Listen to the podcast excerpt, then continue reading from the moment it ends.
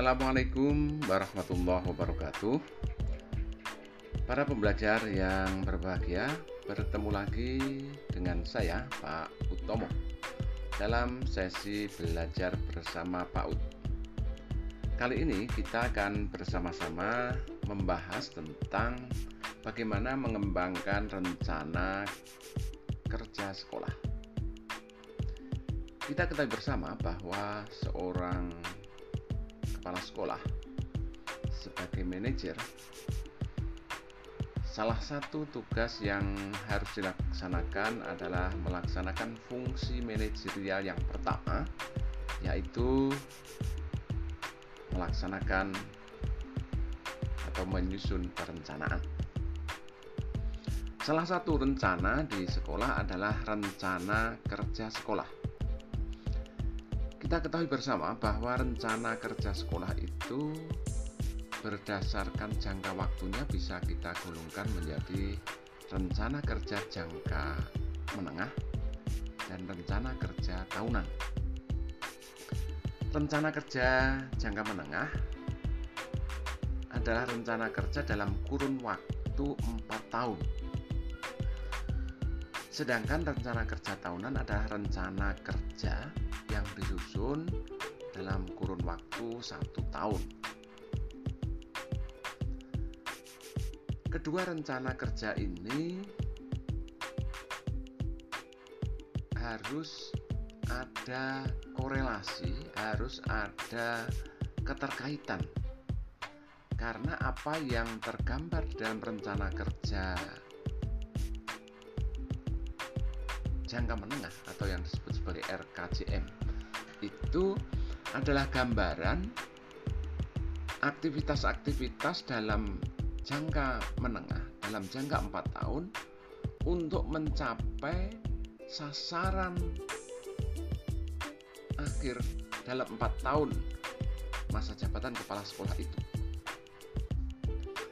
Tentu untuk mencapai sasaran di 4 tahun terakhir itu dicapai melalui kerja pada tahun pertama, capaian kerja pada tahun kedua, capaian kerja pada tahun ketiga, dan capaian kerja tahun keempat. Tidak mungkin sebuah rencana capaian di empat tahun yang akan datang semuanya dicapai di tahun pertama. Hal itu tentu tidak rasional.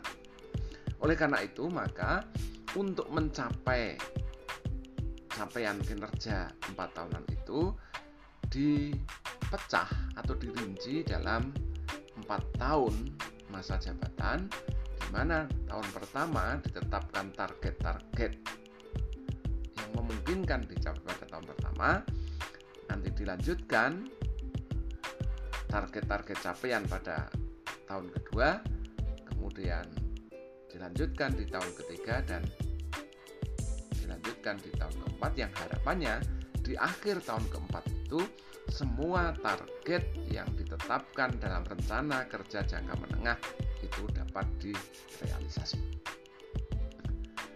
Nah, bagaimana proses menetapkan rencana kerja sekolah tersebut?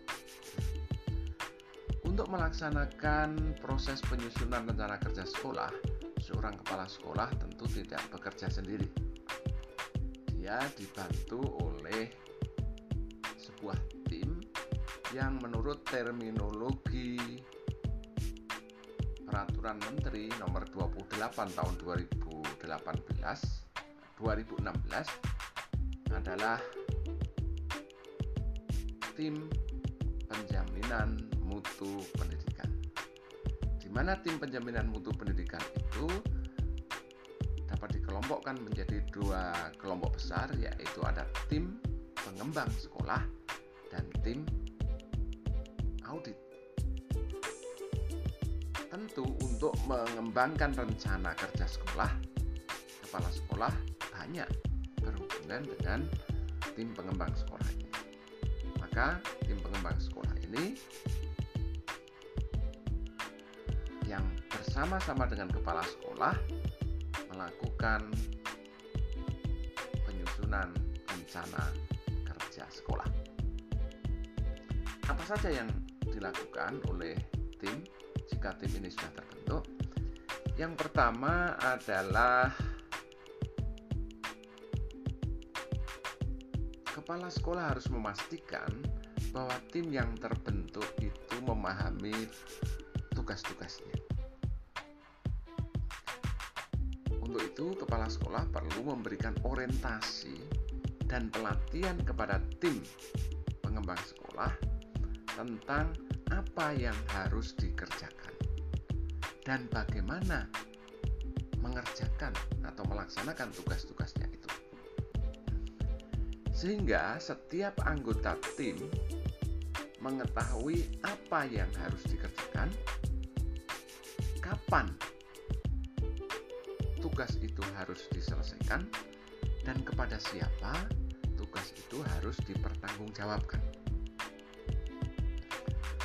Mengetahui apa yang harus dikerjakan, bisa melakukan apa yang harus dilakukan, dan tahu kepada siapa bertanggung jawab, tidak serta-merta tim itu bisa bekerja. Karena untuk bisa bekerja, tentu mereka memerlukan daya dukung, baik itu sarana prasarana maupun pembiayaan serta waktu. Maka ketika seorang kepala sekolah sudah melakukan orientasi kepada tim pengembang sekolah, sudah melakukan pelatihan kepada tim pengembang sekolah dan sudah memahamkan mereka kepada siapa mereka harus mempertanggungjawabkan, melaporkan kegiatan-kegiatannya.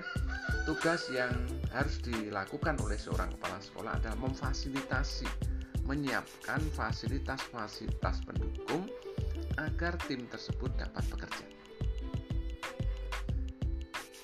Menyiapkan sarananya, menyiapkan dananya. Dan ketika semuanya sudah siap, maka kepala sekolah melakukan monitoring dan nanti di akhir kegiatan melakukan evaluasi. Jadi tahap awalnya seorang kepala sekolah harus melakukan orientasi dan pelatihan kepada tim pengembang sekolah. Jika sudah, maka awal yang harus dilakukan oleh tim adalah menetapkan kondisi sekolah saat ini. Untuk menetapkan kondisi sekolah saat ini dapat digunakan beberapa metode. Pertama, tim itu bisa mengembangkan sendiri instrumennya, kemudian melakukan pengumpulan data untuk mengetahui bagaimana kondisi sekolah saat ini dalam hal pencapaian standar kompetensi lulusan, pencapaian standar isi, standar proses, standar penilaian, capaian pada standar pendidik dan tenaga kependidikan, capaian pada standar sarana prasarana, capaian pada standar pengelolaan dan capaian pada standar pembiayaan.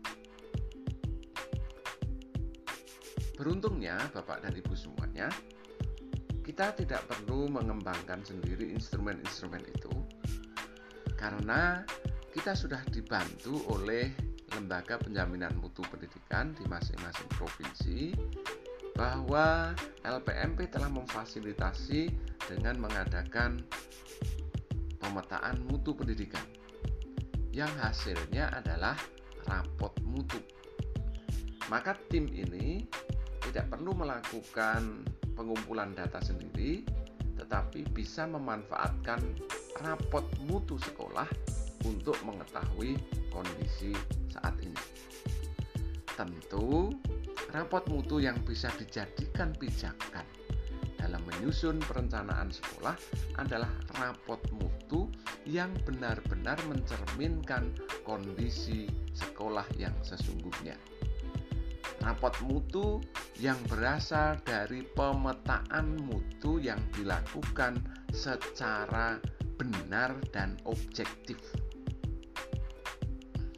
Karena banyak Bapak Ibu semuanya, karena ketidakpahaman dalam pengisian pemetaan mutu, maka yang diisi itu bukan kondisi yang sesungguhnya, tetapi justru kondisi idealnya. Sehingga ketika rapot mutu sudah terbit, maka rapot mutu itu tidak menggambarkan kondisi saat ini.